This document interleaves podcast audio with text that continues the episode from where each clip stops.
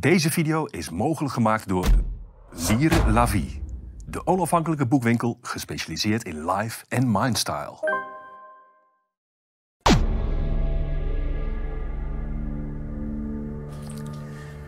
Goedemorgen, middag, avond, lieve kijkers, eh, wanneer je ook kijkt. Welkom bij Café Weltsmerts, weer een aflevering over boeken.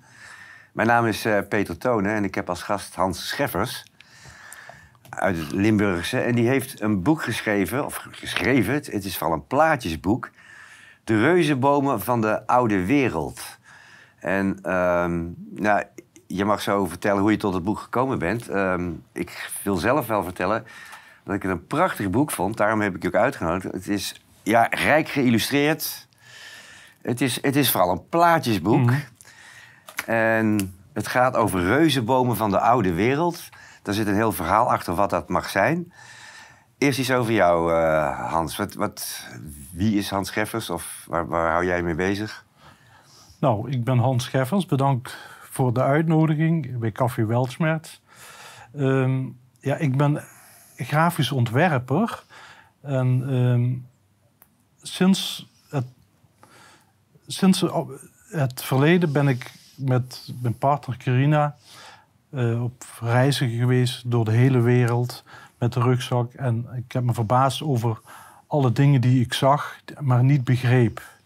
En ehm, ik ben onlangs in 2018 gestopt met eh, grafisch ontwerpen. En ik heb me helemaal toegelegd op het onderzoeken van wie zijn we, waar komen we vandaan en waar gaan we naartoe. Nou, dat zijn maar drie vragen, maar als je erin duikt, dan duik je echt een rabbit hole in. En dan, dan weet je niet waar je moet beginnen. En ehm, nou, ehm, omdat ik grafisch ontwerper ben, denk ik vooral in plaatjes. En dat zie je ook terug in het boek. Er staan meer dan 500 foto's in. En ehm, ik ben ook in iemand die in de materie duikt, maar ik zoek ook vooral eh, eh, wetenschappelijk bewijs. Zodat je dit niet het boek kunt wegzetten als ja, dus maar een, een boek wat gemaakt is door iemand. Maar ik, ik haal ook wetenschappelijke eh, feiten aan. En ik combineer dat in een, in een boek, in een geschiedenis, in een verhaal.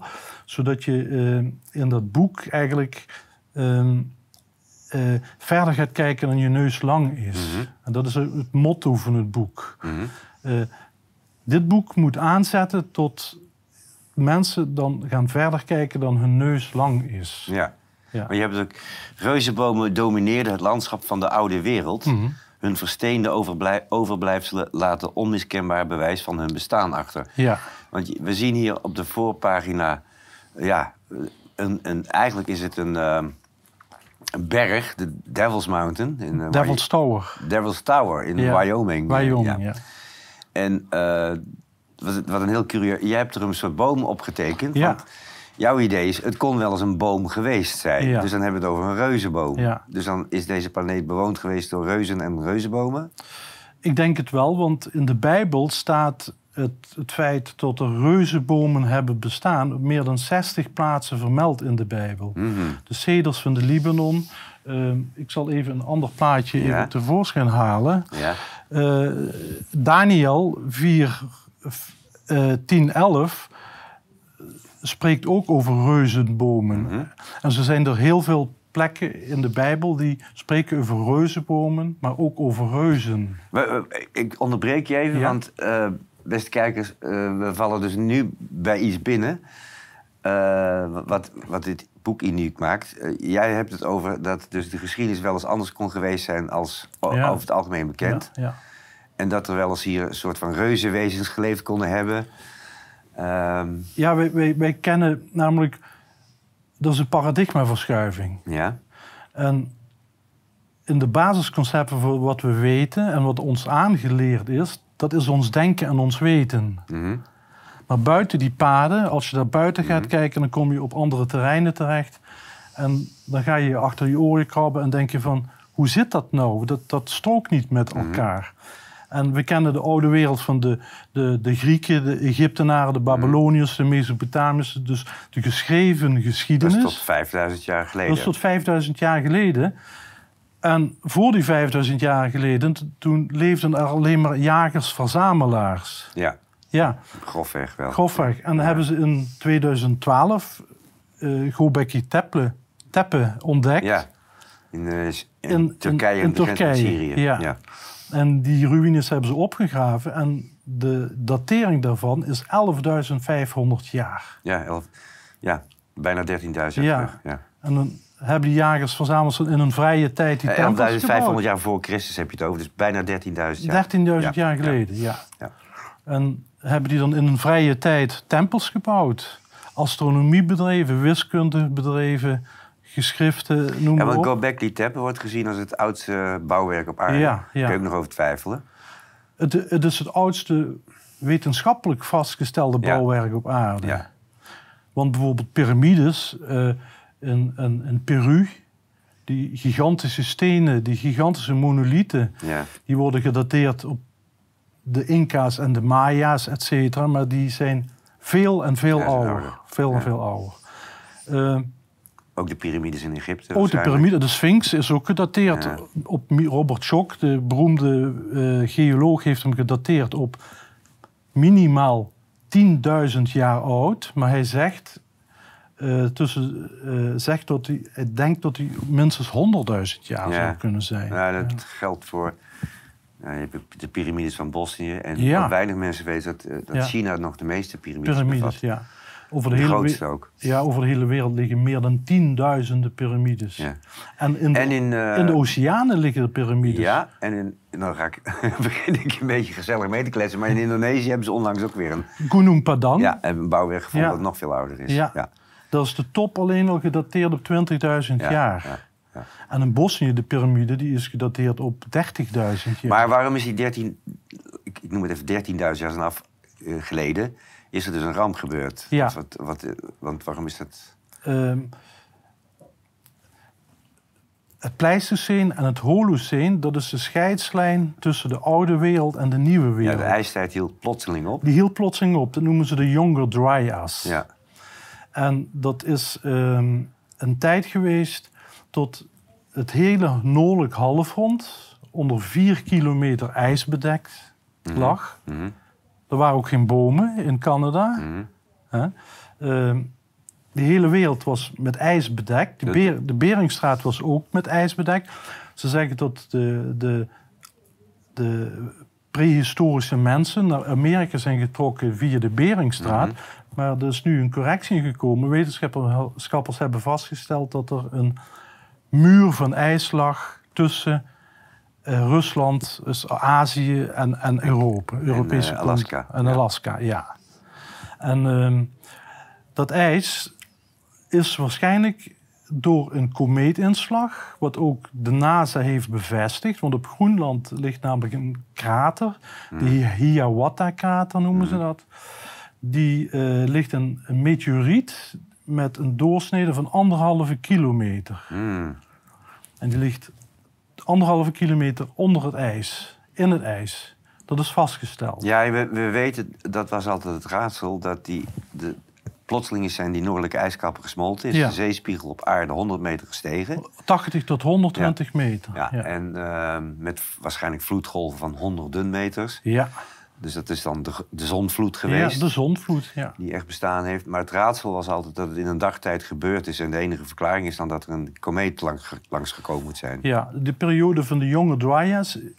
eh, Maar wa- wa- waarom hebben we het hier over? Dit heeft, wa- wa- wat is daar significant aan? Het heeft te maken met eh, het verschil van de oude wereld en de nieuwe wereld. In de oude wereld die we niet kennen, Mhm. wetenschappelijk niet kennen, Mhm. maar eh, veel mensen onderzoeken dit ook, of veel wetenschappers Maar we hebben, onderzoeken. wij kennen toch die verhalen van, van, de, van al die, die, die grote dinosaurus en wat heb je? Ja. Atlantis kun je zelfs over hebben. Ja, dinosaurussen zijn 65 miljoen jaar uitgestorven. Ja, Ook door een meteorietinslag in Ja. de golf van Mexico. ja Yucatan. Ja. En ehm, de aarde doorkruist twee keer per jaar de Taurid Meteor Stream. In juni en in oktober, november. Dus we moeten straks oppassen weer. We moeten oppassen, maar we hebben altijd geluk. Ik, ik zeg altijd, eh, als je voor een kruising staat, een weg staat, en het is vijf uur s morgens, dan kun je met de ogen dicht oversteken. Ja. Maar je moet niet in het spitsuur komen, want dan word je gelijk van de weg gereden. Maar komt er nog een spitsuur dan met die... eh, Daar komen spitsuren, want de, de, de Bijbelverhalen en eh, de mythologische verhalen en de, de, de symbolen duiden erop tot er weer een catastrofe aankomt. En die catastrofe die vindt eigenlijk altijd plaats, niet zo snel een paar jaar achter elkaar, maar om de 25.000 jaar, om de 40.000 jaar, om de 100.000 jaar komt die meteorstream die, Ja? die eh, scheert langs Jupiter, gaat naar de zon toe, een komeet. Komt hij bij de zon, dan defragmenteert hij. Dan valt hij in stukken uit elkaar. En eh, die stukken die komen rakelings langs de aarde. Want je wil niet weten hoeveel meteorieten. Er zijn 1,1 miljoen meteorieten in de omgeving van de aarde. Mhm. En dat weten Dus wij, wij kunnen hier eh, ons druk maken om eh, het World Economic Forum... maar intussen kan er een meteoriet uh, goed in het eten gooien. De vraag is niet of het gebeurt, maar wanneer het gebeurt. Mhm. Want ehm, die meteoriet die slaat in. Die heeft zo'n impact. Dat kun je zien aan de dinosaurussen die zijn uitgestorven. De hele wereld wordt verstrooid in een aslaag. Binnen vier maanden zijn alle planten dood. En binnen een half jaar is de civilisatie ten Mhm. Ik onderbrak... Ja. Was jij nog die tekst aan het lezen van, uit de Bijbel? Want, eh, want je hebt meer plaatjes. Ja, Eh, ja, ik zag en ziet, er was een boom in het midden der aarde en zijn hoogte was groot. De boom werd groot en sterk er zijn, en zijn hoogte reikte aan den hemel. En hij werd gezien tot aan het einde der ganse aarde. Dus Ja. dat duidt op een uh, joekel van een boom. dat is een joekel van een boom. Ja. Ik heb er een, een boom afgebeeld. Waarschijnlijk is die ietsje kleiner dan eh, Daniel heeft bedoeld. Ja, dit- oké. Maar anders past die niet op, op de bladzijde van het boek. Dit is jouw eh, grafische vrijheid Ja, geweest? dat is mijn grafische vrijheid. Aha. geweest, Ja. Eh, maar nou, nou wil ik, voordat we verder gaan, ik wil even... eh, hoe ben je tot dit boek gekomen? Dit, dit, ik vind het een indrukwekkend boek. Het is, wat jij zei, 500 pa- eh, illustraties, foto's.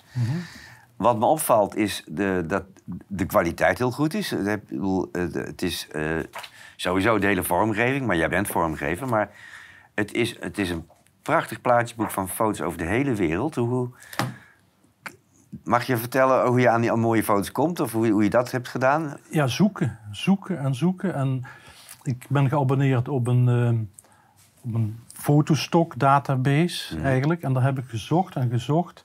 Dus mensen reizen over de hele wereld, maken overal foto's van. Die verkopen ze aan zijn stokbureau. En zo Ja. ben ik in die plaatjes gekomen. Ja. Dus, maar eigenlijk het, het meeste tijd zit in het zoeken van de juiste plaatjes. En de kwali- kwaliteit van Ja, want jij hebt wel naar de kwaliteit gekeken. Ja, ja, heel duidelijk. Ja, Dat, die eh, moet perfect zijn. ja. Ja.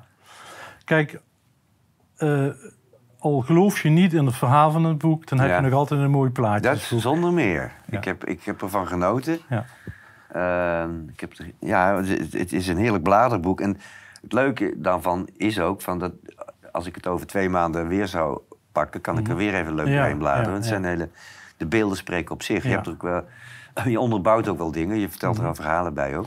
Ik vertel niet alleen over de oude reuzenbomen van vroeger, maar Mhm. ook over de huidige bomen. Over het, het huidige systeem van de natuur, Mhm. hoe hoe dat in elkaar zit. Over het mycelium in het bos, hoe dat bomen met elkaar verbindt. Dus alleen dat plaatje al, de fotosynthese, Mhm. eh, de krachten van een boom. Een boom aardt met de wortels in de grond Mhm. en met zijn kroon in de lucht. Mhm. De, de aarde is eh, negatief geladen en de lucht is positief Mhm. geladen. Dus er, er Zo ontstaat ontstaan Bliksem. in- bliksem en Ja. enorme eh, energiestromen vinden er plaats in, in zijn boom. Elk blaadje aan een boom en een plant, dat is eigenlijk een kleine eh solar panel. Ja, ja. Een zonnepaneel. Zet zonne, zonnelicht om. Ja. Via, Dus dat principe van zonnepanelen is niet wat we nu hebben uitgevonden. Dat is al miljoenen jaren oud. Nee, we, we, we, bootsen- we kijken alles af van de natuur natuurlijk. Ja. Ja. Ja. Ja. En ook het, eh, waarom tot monniken bijvoorbeeld onder een boom medi- mediteren. De boeddhistische monniken. Waarom tot een boom rust geeft. Een boom geeft schaduw, geeft, levert hout, levert brandstof. Mhm. Maken er eh, meubels van. eh, eh, we klimmen in bomen. Er zitten allemaal insecten en vogels en dieren in bomen. En we kappen die bomen gewoon. Dus Ja, jongen, we hebben biomassa we hebben nodig. biomassa's. Nou, we kappen de oerbossen in Ja. Estland, Letland en Litouwen. Ja, Ja, dat, dat strookt niet bij mij. Nee. En bomen houden de grond vast, die houden het water vast. Die zorgen voor koelte. Dus als we in steden nou eens wat meer bomen gingen planten, dan hadden we ook niet zoveel last van de warmte. ja vertel mij wat. Huh? Ja, nee, dat werkt. Ja. Maar goed, dit gaat over die oude bomen, de Ja. reuzenbomen van de oude wereld. Mhm. Eh, je had wat plaatjes eh, Ja. meegenomen. Misschien moet... Maar jij vertelde al, we hebben een voorgesprek gehad... dat dit eigenlijk het belangrijkste plaatje was. Ja. Dit, ik, ik ken dit als een middeleeuws plaatje en veel mensen. Ja, dat dateert uit 1850. Oh, oh ik dacht dat het ouder Nee, was. nee. Oké, dank je. Eh, Het is een monnik die onder de sluier van de, het hemelgewaad doorkijkt en ziet dat er nog een hele andere wereld tevoorschijn komt. ja, En dat heeft zijn interesse gewekt. En dit heeft ook mijn interesse gewekt, want dat plaatje, dat heb ik altijd bij de hand. Als ik niet weet waar ik naartoe moet, Mhm. waar, waar ik moet zoeken, dan denk ik van, je moet onder de luifel doorkijken. aha. Oké.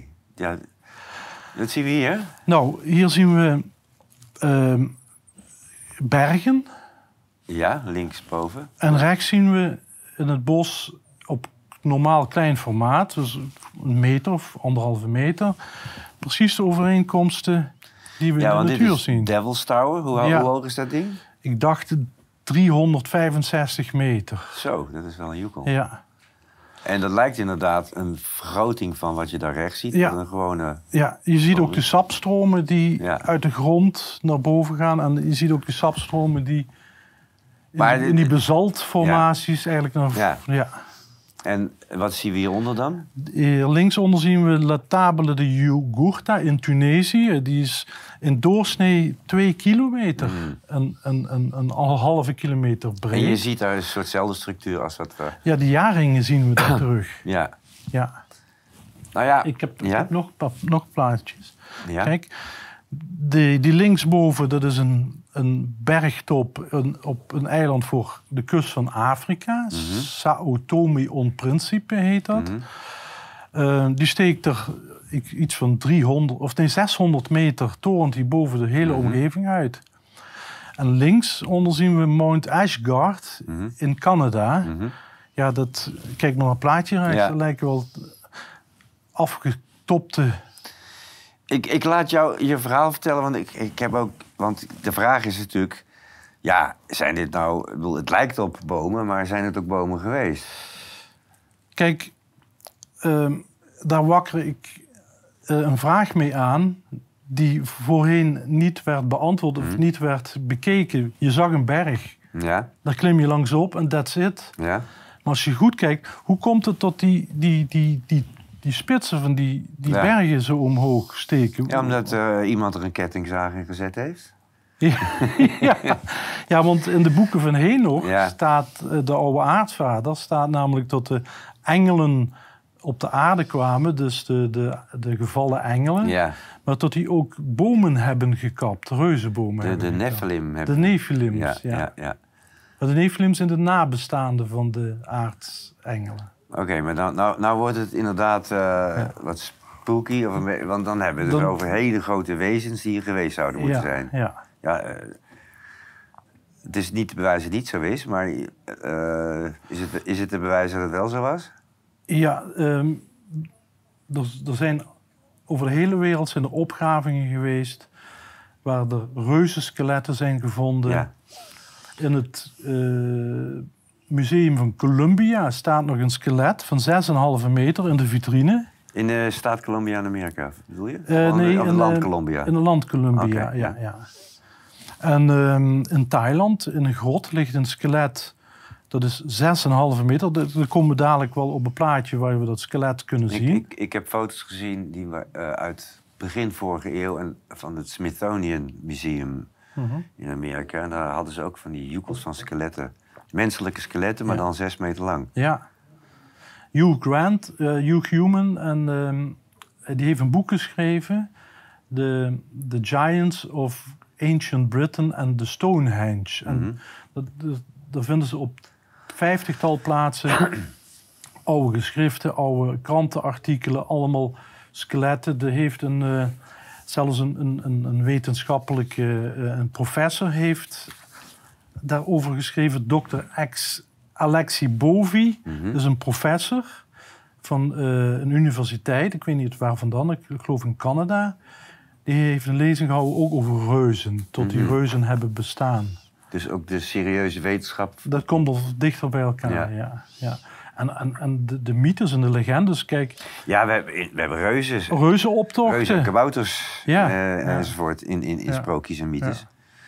Eh, en mythes zijn de oudste verhalen op aarde. En soms moet je ze serieus nemen. Ja, want ik, dat haal ik ook aan in mijn, in mijn boek eh, over de, de, ge- de geomythologie. Mhm. En de geomythologie behandelt eigenlijk de, de, de mythologie, maar de geomythologie ha- behandelt eigenlijk de catastrofes die op aarde hebben plaatsgevonden. De, de zonvloed, in de, wat in de Ja. Bijbel staat, dat is een Ja. geomythologisch verhaal. Ja. En zo dateert bijvoorbeeld van ehm, eh, 1800 of van 1700. Er waren ooggetuigen, Indianen in Amerika, die hebben gezien tot een vulkaan in is gestort, bomen zijn weggespoeld, et cetera. Mhm. Dat was een mythe. Daar heeft de wetenschap nu van vastgesteld dat dat echt gebeurd is. Mhm. Dus we spreken over een tijd van voor de geschreven geschiedenis. Mhm. Dus alles werd mondeling overgedragen. ja, we hebben pas vanaf 5000 jaar geleden met, Ja. met spijkerschrift en Ja. hieroglyphen hadden we officieel dan althans Ja.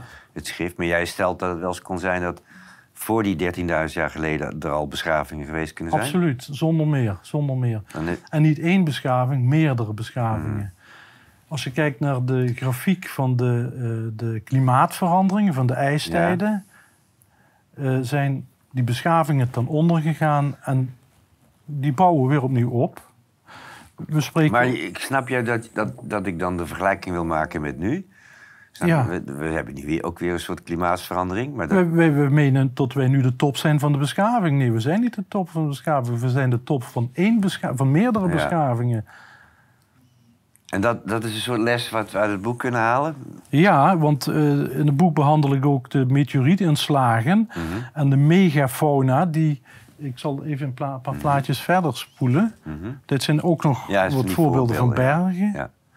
Dat is die... eh, ja, kijk eens wat een kolos wat er staat. Ja, ja. Die is, dat is Devil's Mountain weer, geloof ik. Ja. ja. Dit zijn dus die, die, die basaltkanalen. Ja, hoe wat groot de kijker zijn. misschien niet kan zien, dan zit er een mensje die Ja, een klimmen is. bergbeklimmer. Die Ja. zijn leven waagt. Ja. Ja. Eh, dat is iemand... Ja, dit is dat ding in Tunesië. Tunesië, ja. Oh, hier zien we het van de zijkant in Tunesië. Zie je ook goed de jaring. En- Oh, dit is datzelfde ding Ja, dat we ja. net zagen, maar dan zien we... een- Ja, dat lijkt inderdaad een soort afgezaagde boom te zijn. Ja, als je, als je met de eerste oogopslag kijkt, denk je, wat is dat? Als je het formaat niet weet, dan zeg je dus een boomstroom. Ja, ja. Ja, Er werden ook veel tempels gebouwd op deze ja.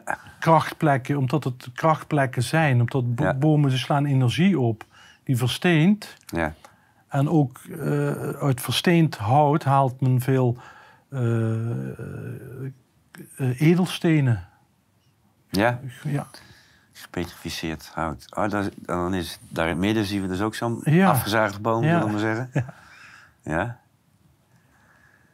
het, het heeft... Ja, dat, waarom dat afgeplat is, ja dat is de vraag. Ja. Ja. dat is, eh, dat is boeiend. Ja, deze ook zo, ja. Ja.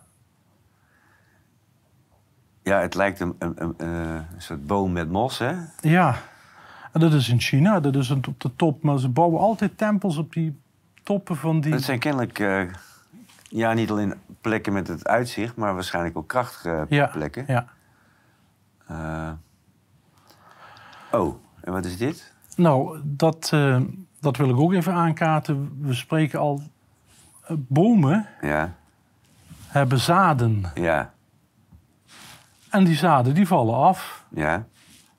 En die vind je overal terug over Maar de is dit wereld. gepetrificeerd zaad? Ja, want kijk, hier zie je de binnenkant. Ja, zie je ook de kleurverschijnselen, de, de, de kleurafwijkende kleurschakelingen. ja, Die dateren op organisch materiaal. Ja. Het gele is, eh, is eh, ik weet het niet precies, ik zal even kijken. ja roodachtige kleur duidt meestal op eh, ijzer. Aanwezigheid van ijzer. Wat dan? Nou, zwart, dat is meestal koolstof. Ja. Groen-blauw, dat, dat kobalt, koper of chroom. Ja. Geel, mangaanoxide. Ah ja. Roze-oranje, mangaan. En rood, bruin en donkergeel, dat zijn Ja, ijzeroxiden. precies. Dus, eh, Die kunnen alleen maar organisch gevormd zijn. Want het versteningsproces, het wordt afgedekt. mhm. En het organisch materiaal wordt vervangen door, eh, eh, eh, door die eh, opgeloste stoffen in het water eigenlijk. Maar in, weet jij een antwoord op de vraag hoe snel zoiets gevormd wordt? Nou, Snap ze je? zeggen miljoenen jaren, Ja. maar Amerikaanse wetenschappers is het gelukt om binnen enkele dagen hout te laten verstenen. Aha. Bij dit proces wordt het organisch materiaal van het hout geleidelijk door mineralen, zoals bijvoorbeeld gekristalliseerd kiezelstuur, vervangen, zodat de oorspronkelijke stuur structuur volledig behouden blijft. Hmm. Dus na enkele dagen kan dus. Het kan misschien duizend jaar zijn, het kan ook honderdduizend jaar zijn. Eigenlijk, ja, wat ik begrepen heb wel is dat ze, als, je mooie, als je kristallen ziet en mooie steensoorten, dat men niet weet hoe, eh, hoe ze gegroeid zijn, laat ik het maar zo ja, zeggen. Ja. Ja, het Eh, boek of in welke tijd, wel, wel, wat de tijdspan is waarin een steen ontstaat. Ja. Maar het kan, het kan op korte termijn gebeuren. Mhm. Als hij maar afgedekt is van zuurstof. Mhm. Ja. Ja, dit, eh, een interessante, uit Ja. elkaar gevallen bol is het Ja, want eigenlijk, hè? eh, die, Hoe groot is dit? Weet je, ik- weet je dat? Misschien een meter, denk ik. Ja, ja. Kijk, deze zijn ook misschien een meter aan doorsnede. Maar die liggen over de hele wereld. Oké. Ja. Van Zuid-Amerika, Noord-Amerika, Nieuw-Zeeland, eh, Mhm. Costa Rica. In Frankrijk liggen ze zelfs. Aha. Ja. Hier zien we een rots. Ja. Maar je ziet ook duidelijk de jaarringen. Ja, dat lijkt op, op jaarringen. Of is, is, er een, is er een verklaring voor die, die streepjes, om het zo te zeggen, die lijnen die erin zitten? Ja, als ik het proces bekijk van de versteende bomen, Ja. dan kom ik tot één conclusie: jaarringen. Ja. Oké. Dat is natuurlijk... Maar eh, ik sta open voor alle Ja, andere. ja. Tuurlijk, dat, kijk, het boek is een aanzet dat je gaat kijken verder dan je neus lang is. Ik pretendeer, pretendeer niet alle wetenschap een pak te hebben, mhm. maar ik geef een aanzet tot meedenken. Ja. Ja. Ja. Ja, dat, is, dat, dat snap ik. Want je gaat je van alles afvragen. Hier zien we houtstructuren. In steen. Links is, is Ja. het, eh, het natuurlijke hout. En rechts heb je de structuren van de basalt. Ja, ja, ja, ja. Links heb je de structuur in steen. En Ja. dat is in Noorwegen. Dat is die beroemde rots waar de Mission Impossible is opgenomen. Oké. Eh, rechts hebben we een miniatuur versteend stukje hout. Ze Ah, zijn ja. bijna identiek. Ja, ja. Ja, het, het, het, het, enige verschil is de schaal, dus. Waarin het, het De schaal, ja. En Ja. Dan, dan, dan kom je ook, op, ook uit op het eh, principe van... eh, hier zien we ook de opeenhoping van die eh basaltkolommen en de groei. En, Ja. Ja, die, het zijn interessant is dat het hexagonale, dus zeshoekige Ja. vormen, langwerpige ja, vormen zijn. ja, Ik heb ze zelf ook gezien in eh, Schotland, op bepaalde eilanden. Het ziet alsof het is ge- gemaakt. ja, ja. Het zijn, hele, maar het zijn hexagonale structuren in, in basalt of Ja, in graniet. kijk, soms. hexagonale structuren vinden we overal terug in de natuur. In bijenraten. ja, waarom ja. laat je dit zien? Dit laat ik zien. Links heb je de hexagonale structuren van Devil's eh eh, Touwen? Cos, nee, Causeway in Ierland. Oh, oké. Ja? Ja. En dan zie je tot er een buitenmantel is. Mhm. En een binnenmantel, dat is een membraan. Ja. En je hebt een vacuole, dat heet een, een, een interne structuur. Mhm. Waar de, rechts is een microscoopopname Mhm, Van? van een plant. Aha. Ja, dit lijkt inderdaad op elkaar. Het, ja. het, Ja. het is bijna identiek. ja. Ja, je ziet inderdaad een hexagonale structuur met een eh, kern erin. Hier zie je Ja. hoe groot dat ze zijn, het hoofd van het jongetje. Ja. En rechts zien we weer de... Ja, ja, interessant dat je dus in de natuur micro en macro Ja. dezelfde ja. vormen ziet. Wat wel te denken geeft, want hoe zijn die ontstaan, die steenvormen? Ja. ja. Links hebben we ook weer die devils, eh, Ja, ik, ik heb het, nogmaals, ik heb het in Schotland Devil's gezien. Causeway heet Ja. die geloof ik. En rechts hebben we weer een microscoopopname van een plant. Links zien we de basaltkolommen van opzij. Je ziet ook die stukken die weggeslagen Mhm. zijn, dat er een buitenmantel om hen zit. Ja, En de binnenmantel, die is, die, dat membraan, dat is donker gekleurd. Ze zijn ook gesegmenteerd allemaal. ja, Op elkaar gestapeld. Dus eigenlijk reuze cellen. ja. En rechts zien we een doorsnee van een microscoopopname van cellen van de plant. Alleen is dat vele malen groter. Ja, En voor ons is dat moeilijk te bevatten, want eh, wat ik al zei toen we aan tafel zaten, kijk eens naar een mier of naar een, een insect. En te- ten opzichte van ons, het is ook een levend wezen met spieren, organen, ademhalingsorganen. en alleen zijn we, is dat vele malen groter. Dan kom je uit op de mandelbrood eigenlijk. Dus, dus wat Tot of Mercurius ook zei, zo boven, zo beneden. Wat je in het groot hebt, je heb je ook in het heel klein. En ehm, je kunt eindeloos inzoomen op een plaatje waar de structuur steeds hetzelfde blijft. We, we hebben, In CERN hebben ze een gigantische installatie gebouwd van 30 kilometer onder de grond, waar ze het kleinste Higgs-bosumdeeltje. ja, met het grootste apparaat ter wereld hebben, ze grootste- het- hebben ze het kleinste, kleinste- deeltje gevonden. Ja. Ja. ja. In, eh, in 2012 was het volgens mij. En hier hebben we die, die Ja, ja, fractals. mandelboot fractal. Hier zien we ook boven een computer gegenereerd plaatje Ja. van die Mendelbrood. En dat is een opname van het melkwegstelsel. Die zijn, Ja, je ziet ook in plantengroei bij varens, kan je het ook Ja, zien. Dan ja. zie je heel duidelijk hoe ze zich ontvouwen. Die mandelbo- Ja, ja, die, die, dat is bedacht door een, een man die heet Mandelbrot. maar nogmaals, dan, dan, dan hebben we het dus over het, het, het verschil eh, met gewone bomen en de plaatjes die we hier Ja. hebben, is, dus, is dus de schaal.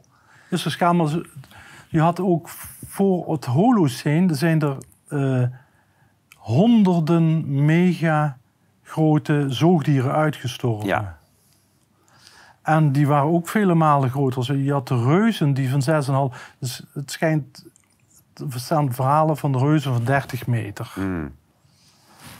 Nou, zo'n grote dieren, die, als je die naast een klein boompje zet... Ja, dat is ook geen gezicht. nee. Nee. Dus, de, dus de, jij zegt dan dat de bomen misschien als navenant zo groot Ja. geweest zijn. Dit is uit het, uit het boek. Heb je die, wat je zei, die, die, wat je terugziet in de natuur. Die, die fib- dat noemen ze de Fibonacci. Fibonacci-reeks. reeks, ja. En die, die structuren, die zie je overal terug in, het, in de natuur. Links boven heb je die mandelbrood. Rechts heb je een, een bliksem. Of die, Ja, bliksemstralen. Dan zie je ook die gulden sneden in, ja in een melk, in het melkwegstelsel. melkwegstelsel. Met, IJskristallen, Ja. ja. Nee, Je komt overal eh, in groot en klein dezelfde structuren tegen. ja. Ehm, ja, het enige het grote verschil is dat jij nu zegt van... ja, wacht even, het- kon wel eens heel groot geweest zijn. ja. Oké. Ehm, ik weet niet hoeveel plaatjes je hebt. Ik eh, zal er even doorbladeren. Dit zijn bijvoorbeeld eh, de megastructuren van de, de, de uitgestorven megafauna. Je had vogels die, ja, die, die paarden konden opwegen. Waar ik dan naar moet denken, dat, dat waarschijnlijk dan ook de zwaartekracht... of de dichtheid van de aarde Ja. anders geweest Ja. moet zijn. Het, heeft, het heeft te maken misschien met zwaartekrachtverschillen. Je, je, kijk, we hebben nu 365 dagen Mhm. en een kwart. Mhm. Eh, als je dat kijkt naar de heilige geomatria, de heilige, dan moet het eigenlijk 360 zijn. Daar kun je het over twijfelen. Maar ik, het, eh, Ja. of, of dat door die impact van die komeet, of door wat dan ook, misschien tot de aarde een beetje uit zijn baan is verschoven. Ja, En doordat daardoor ook de zwaartekracht of de luchtsamenstelling ja. anders is. Want er ligt een grote scheidslijn Pleistoceen, Holoceen. Ja. Je ziet ook aan de... Nou, maar jij zegt dus, dus dat het maar de vraag is of je met de na- natuurkundige maatstaven die we nu hebben...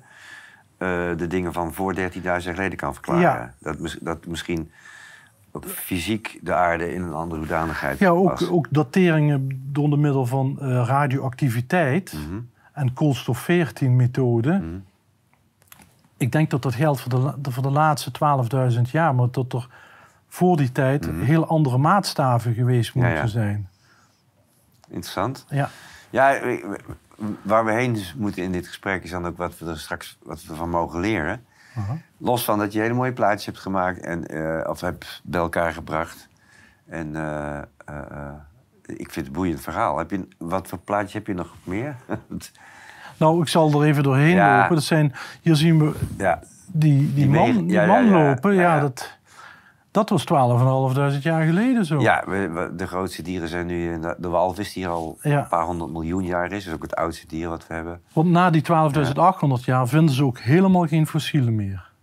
Oké. Fossielen dateren van voor die tijd.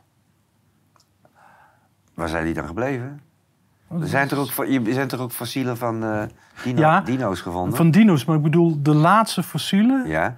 Dateren van 12.800 jaar Oké, geleden. dat is interessant. Want Ja. dan, eh, terwijl daarvoor ook dieren geweest moeten zijn, maar er zijn geen fossielen van.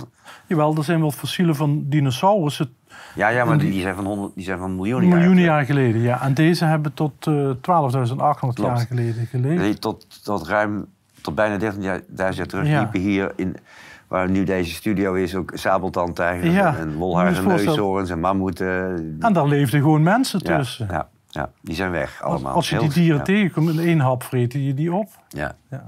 Ja, die, dat klopt. En, eh, maar jij zegt dus dat, dat er geen skeletten zijn gevonden van daarvoor, voor de ijstijd. Nee, nee, na de ijstijd. Ja? Na de ijstijd zijn er geen skeletten meer gevonden van prehistorische Nee, oké, Ja. dan zijn we er. Ja. Wel van die mammoeten en die beesten Wel van de mammoet, die, ja. allemaal nu, Ja. die toen verdwenen zijn. Ja. Want dus, met die grote zondvloed zijn ook heel veel diersoorten plots verdwenen. Ja, kijk, de mammoeten bijvoorbeeld, die ze in Siberië, Siberië vinden... die worden voor die slagtanden worden die, eh, uit het permafrost gehaald. Die Ja. slagtanden worden heel duur verkocht. Maar eh, die mammoeten die, die liggen in de permafrost... en die hebben van een aantal mammoeten wat ze hebben gevonden... die hebben voedsel in hun mond en hun maag. Ja, wat niet verteerd is. Nee, niet voor maar subtropisch voedsel.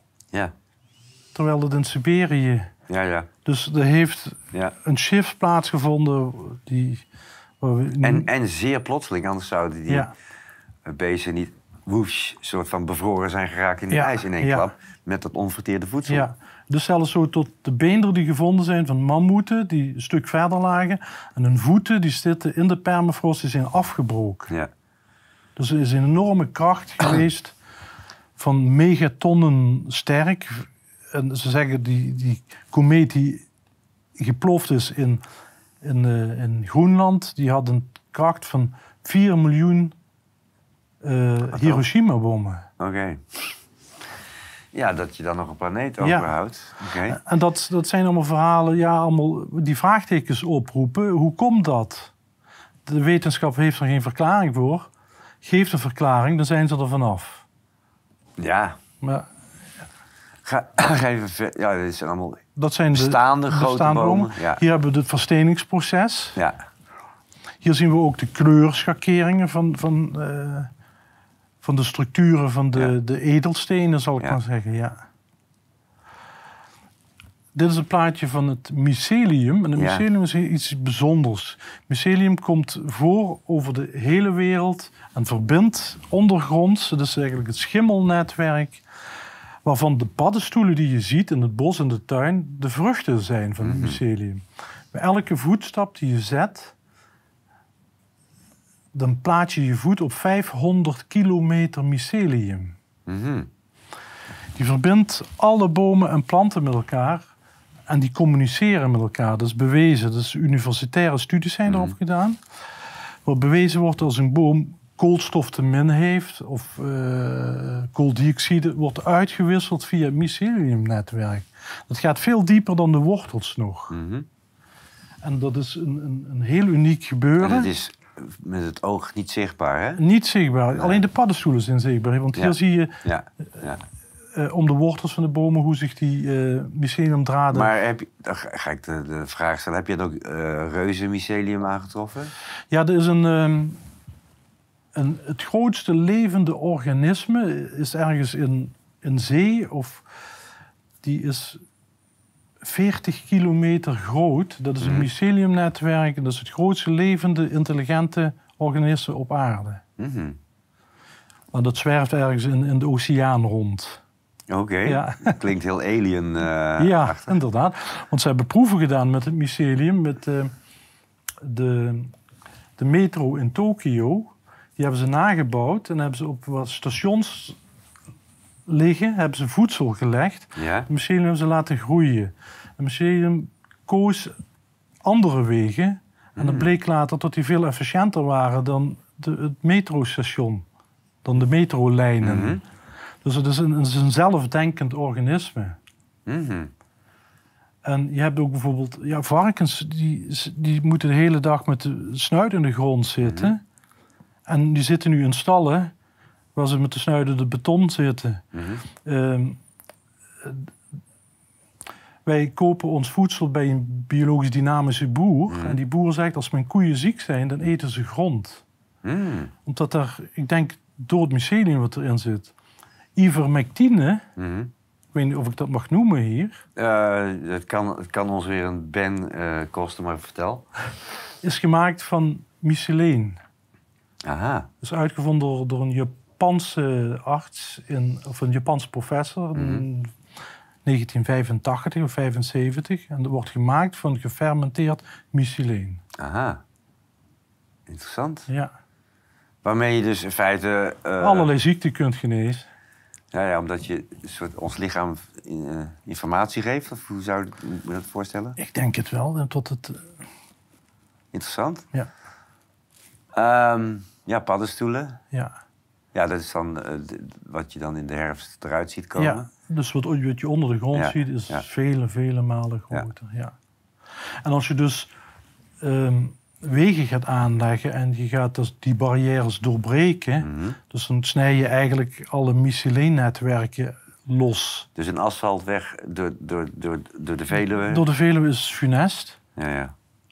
Want de lage lijntjes, Ja, ja, is net zoals als ik alle telefoonlijnen ga doorsnijden tussen hier en Utrecht, ja, Ja, ja, dan, ja. dan heb je een probleem. Ja, Alleen zien we dit probleem niet. nee. We zien het wel in de sterfte van de bomen bijvoorbeeld. De achteruitgang van de bomen. Dit is een ander onderwerp. Maar ja, oké, in ja, feite. ja. Want ehm, ik, ik wil eh, een beetje tot een afronding komen Ja. over, over jouw boek. En wat je er... eh, Dat zijn de, de laatste plaatjes. Ja. Dat is het fotosyntheseproces. ja, Het unieke proces wat Ja. er plaatsvindt. En eh, dat moeten mensen zich maar eens goed eh, bestuderen. Want het is ja. in feite wat je thuis doet met je zonnepanelen. Ja, dat je dat omzet in energie klopt. Ja, Ja, we zitten inderdaad... ja want kooldioxide, CO2, de Hmm. meest kostbare stof op aarde... ja, die wordt omgezet in zuurstof. ja, En dan weet ik waarom is CO2 dan opeens onze vijand. ja, maar zelfs onze, de zon die er al 4,5 miljard jaar is... Ja. is sinds een tijdje onze vijand. Want Ja. daar kun je huidkanker van krijgen. Ja, terwijl dat ding er al... Het is er al miljoen, miljarden jaren en nu ineens is die... eh, Ja, Bill Gates wil een zonnescherm gaan bouwen. ja. Dat- Nee, maar we zitten in een wereld waarin alles omgedraaid wordt. Dus, eh, Ja, en daarom, daarom dit boek. Ja. Dat zet je weer met beide benen op de grond. Zodat je van de natuur moet gaan genieten en van Ja. de natuur moet leren. Ja, En dat doen deze mensen ook. ja. Die gaan niet voor niks onder die boom zitten. Nee, je ziet, dat is een bekend beeld van Boeddha die werd Ja. verlicht onder een boom, toch? Eh, dat, dat, dat plaatje hebben, wordt ook altijd geschetst, ja. Ja. En in, in dorpsgemeenschappen in heel veel landen heb je ook altijd een grote heilige boom. Ik kom uit een Mhm. dorp waar een, hele, een vier eeuwen oude lindenboom is. En de- ja, daaronder vinden nog steeds de gesprekken plaats tussen de oude mannen. Maar er werd vroeger ook recht gesproken onder die Ja, boom. ja. ja, dat beschrijf ik eh, ook in mijn boek. Je had vroeger een, ehm, een dokkum, geloof ik, Mhm. in Friesland. Dat was een of ander eh, katholieke priester of een, een, een, een heilige. Die heeft daar bij de Germanen heeft hij de, een heilige eik laten omzagen. Mhm. En toen werd er van gesproken tot het, dus het hem zou straffen, maar er gebeurde niks. Hij Mhm. wilde laten zien, als ik die eik omzaak, dan gebeurt er niks. Ja, allemaal flauwekul. Allemaal flauwekul. Maar heeft die eik omgezaagd en daarmee heeft hij eigenlijk de- die heilige eik vernietigd. Ja, Dus er kon er niks meer gebeuren. ja, ja. ja oké, oké. Ja. Ja. Ja. Maar een boom is een uniek wezen die aarde in de Maar ben jij nou bomen of landschapliefhebber? Want nu, nu gaat het echt over die bomen. Of wil je vertellen Ja, van... de- boom- bomen kunnen het landschap gevormd hebben. Ja, en jij zegt dan dat er ook wel eens, net zoals reuze wezens geweest zijn, die Ja. dino's bijvoorbeeld, of reuzen Ja. menselijke gedaante, dat er ook reuze bomen Ja. geweest mogen Ja, alles wijst erop. Die hexagonale, eh de basaltkanalen bijvoorbeeld, wat ver- verwant zijn mi- met microscopische opnames. Eh, die jaarringen, die, eh, die gigantische zuilen wat opeens opduiken in het landschap. Ja, Mhm. de wetenschap zegt, dus versteend vulkanisme. En de vulkaan eromheen is weggeërodeerd. Mhm. Nou, dat lijkt me een heel sterk verhaal.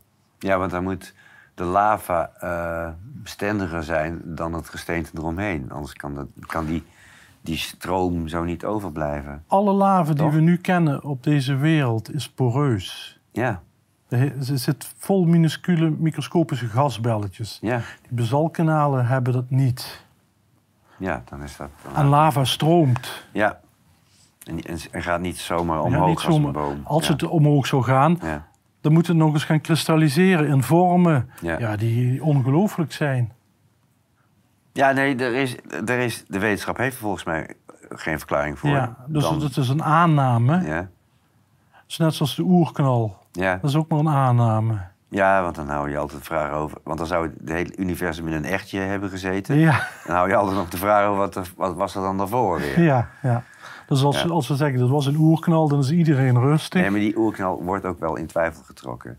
Ja. Al was het maar omdat ze in, ah, hou me te goede, in 97 of 98 een magnetar hebben aangetroffen. Dus een ster die ontplofte. Mhm. Waar wij, wij, wij hebben de straling gevoeld, want er zijn satellieten onklaar geraakt door die Mhm. straling.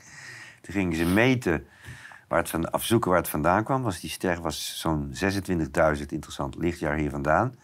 En die ontploffing moest krachtiger geweest zijn dan de Big Bang. Mhm. Dan heb je een probleem, want Ja. dan is er dus of een nieuwe Big Bang bezig, Ja, of die oude heeft niet bestaan. ja. Ja. Wie zegt het? Wie zal het zeggen? Ja. Maar dat was ook heel interessant, want de NASA hield het heel lang geheim. De, de, Maar NASA kun je ook zeggen, never a straight answer. Mhm. Wat de NASA niet snapt of kan plaatsen of eh, voor ons onveilig acht, wordt niet gepubliceerd vaak. Ja. Omdat de ESA er ook over publiceerde, moest de NASA ook. Maar goed, het is een zijspoor over de Big Bang. maar er is meer wat je in twijfel kan trekken, ja. ja, want wetenschappers, geologen, biologen, astrologen, die- die werken niet samen. Nee, dat is het ding. Hè. Wij, zijn, Ja. wij zitten in specialisme. Als Ja. je echt... De, de, de interessante ontdekkingen worden altijd gedaan door, de, door een, een bioloog die in de atmosfeer gaat kijken. Ja, Dus die dan eh, hè, dus meteoroloog gaat worden. Ja. Of andersom. Of Ja. je moet de, de combinaties van disciplines Staan vaak de, ontstaan vaak de ontdekkingen. Als je ook kijkt naar het klimaat bijvoorbeeld. eh, Gerrit Hiemstra liet vorige week een plaatje zien. Van blauw naar rood loopt dat. Vanaf 1900 tot nu. Waar heb je het dan over? Over de... Over het klimaat, over opwarming. Ja. Maar hij heeft niet het plaatje laten zien van voor 1900. ja, dan heb je dit soort curves. Dat in de middeleeuwse Ja. warmteperiode was het Ja. 4 graden warmer dan nu. Ja, in de Romeinse tijd En de. Romeinse tijd, je hebt Ja. de Romeinse tijd, koelt af. Krijg weer een warmteperiode, koelt af. Je ziet het op oude En schilderijen. in, van- in, de, in de Gouden Eeuw hadden we een, eh, kleine ijstijd. Dus je hebt die heel veel van die middeleeuwse... Of sorry, die schilderijen uit de Gouden Eeuw... zie je Ja. schaatsende mensen op de grachten. Ja. En dan het ijs ja. van meer, pakijs van meters dik. Maar is er een les wat... Kijk, ik, ik zou het boek, eh, lieve kijkers, vooral aanbevelen... omdat het geweldig mooie plaatjes zijn. En het is een boek, het is echt zo'n hebben ding... wat je dus over een jaar weer uit de kast kan trekken om het te bekijken. Maar wat is een soort... Is, is, voor wie is het bedoeld? Iedereen mag het lezen? Of wil je mensen iets bijbrengen? Voor Ieder- voor iedereen is het bedoeld. Voor iedereen. Ja, Gelovigen en niet-gelovigen. oké. en wat is jouw conclusie uiteindelijk? Tot we in het Aquarius-tijdperk zitten. We, zijn wakker aan het worden. Dat is een middel om, wat je helpt om wakker te worden, om je te laten zien, te doorschouwen, tot er andere cyclussen hebben plaatsgevonden. Want deze planeet is niet rustig, maar is zeer dynamisch. Mhm. Want de- de, de klimaatcurve gaat niet zo, Mhm. maar die gaat Ja, zo. ja, Het lijkt wel een langspeelplaat. Groeven. ja. Met pieken en dalen. Pieken en dalen, ja. Ja. En die pieken en dalen hebben er altijd Dus geen sinus, maar een beetje tandgolven. een tand, tandgolf. Ja, Ja. ja. En er zitten flinke uitschieters bij. Ja. Ja, Oké, en dan krijg je dus dat, dat de wereld dus, als je het zo beredeneert, ook wel eens totaal anders geweest kon zijn Ja. geweest. ja. Ja. Geweest zou geweest. Dan, dan, dan we denken. In mijn optiek is die Ja. totaal anders geweest. Is er nog een plaatje wat je wil laten zien? Want oh, ik vind dit wel een mooi einde. Ja, Maar, dit is wel een mooi moeilijk. eind. Dit is het laatste plaatje. Oh, nou ja, dan heb, dat is dan mooi uitgezocht. Ehm, is er nog iets wat jij erover wilt vertellen? Henk? Nou, koop vooral het boek. Nou, ik, voor de 35 euro, ik vind het echt weinig geld voor zo'n... zo'n Ja, maar ik, ik, hoef er, ik, hoef er, ik hoef er niets aan te verdienen. aha, De uitgever mag eraan verdienen. aha. Eh, ik wil gewoon dat het verhaal de wereld in gaat. Want Ja. ik vind het verhaal belangrijker dan het geld. Ik moet je daarbij zeggen, dit, is, dit boek is in het Nederlands gepubliceerd. Maar Ja. ik ken ook in andere talen niet een soortgelijk boek. Want je hebt echt een hele unieke verzameling eh, plaatjes bij elkaar gebracht. Met een verhaal. Maar het gaat ook vertaald weet- worden in het Engels. Ah, kijk Ja, aan. Ja. Dat, nou ja, dat, dat zou het ook verdienen, denk Ja, ik. Want ik zei al, dat is, ik heb, zoiets dergelijks heb ik nog ook niet in een andere taal aangetroffen.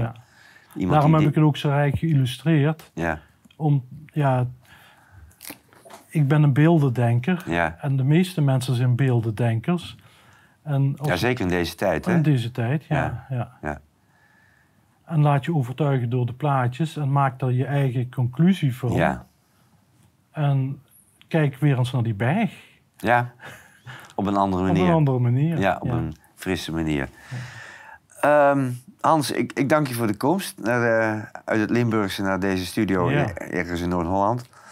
Ehm, ja, ik heb je gewoon uitgenodigd omdat ik, het, omdat, ik- omdat ik vond dat dit boek wat meer aandacht eh, Mhm. verdiende. En ik, Ja. ik heb er zelf veel plezier aan gehad. Ja, want ik, ik, dit is nu mijn eerste boek.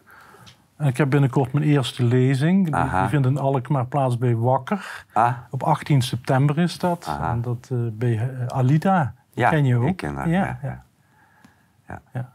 Oké. ehm, lieve mensen.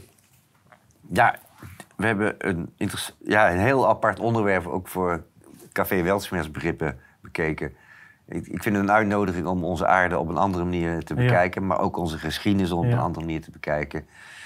En ja, kijk maar ook weer, als je de plaats ziet, wat jouw conclusie is. Misschien brengt het jou weer op inzicht en ideeën. We hopen het. En anders is het gewoon genieten van eh, ja, hoe mooi onze aarde eigenlijk is. Ja, En wat hij allemaal heeft achtergelaten. dat is het belangrijkste. Hoe mooi Ah. onze aarde is. Nou, Er is er maar één van. Precies, laat maar voorzichtig mee zijn. Ja.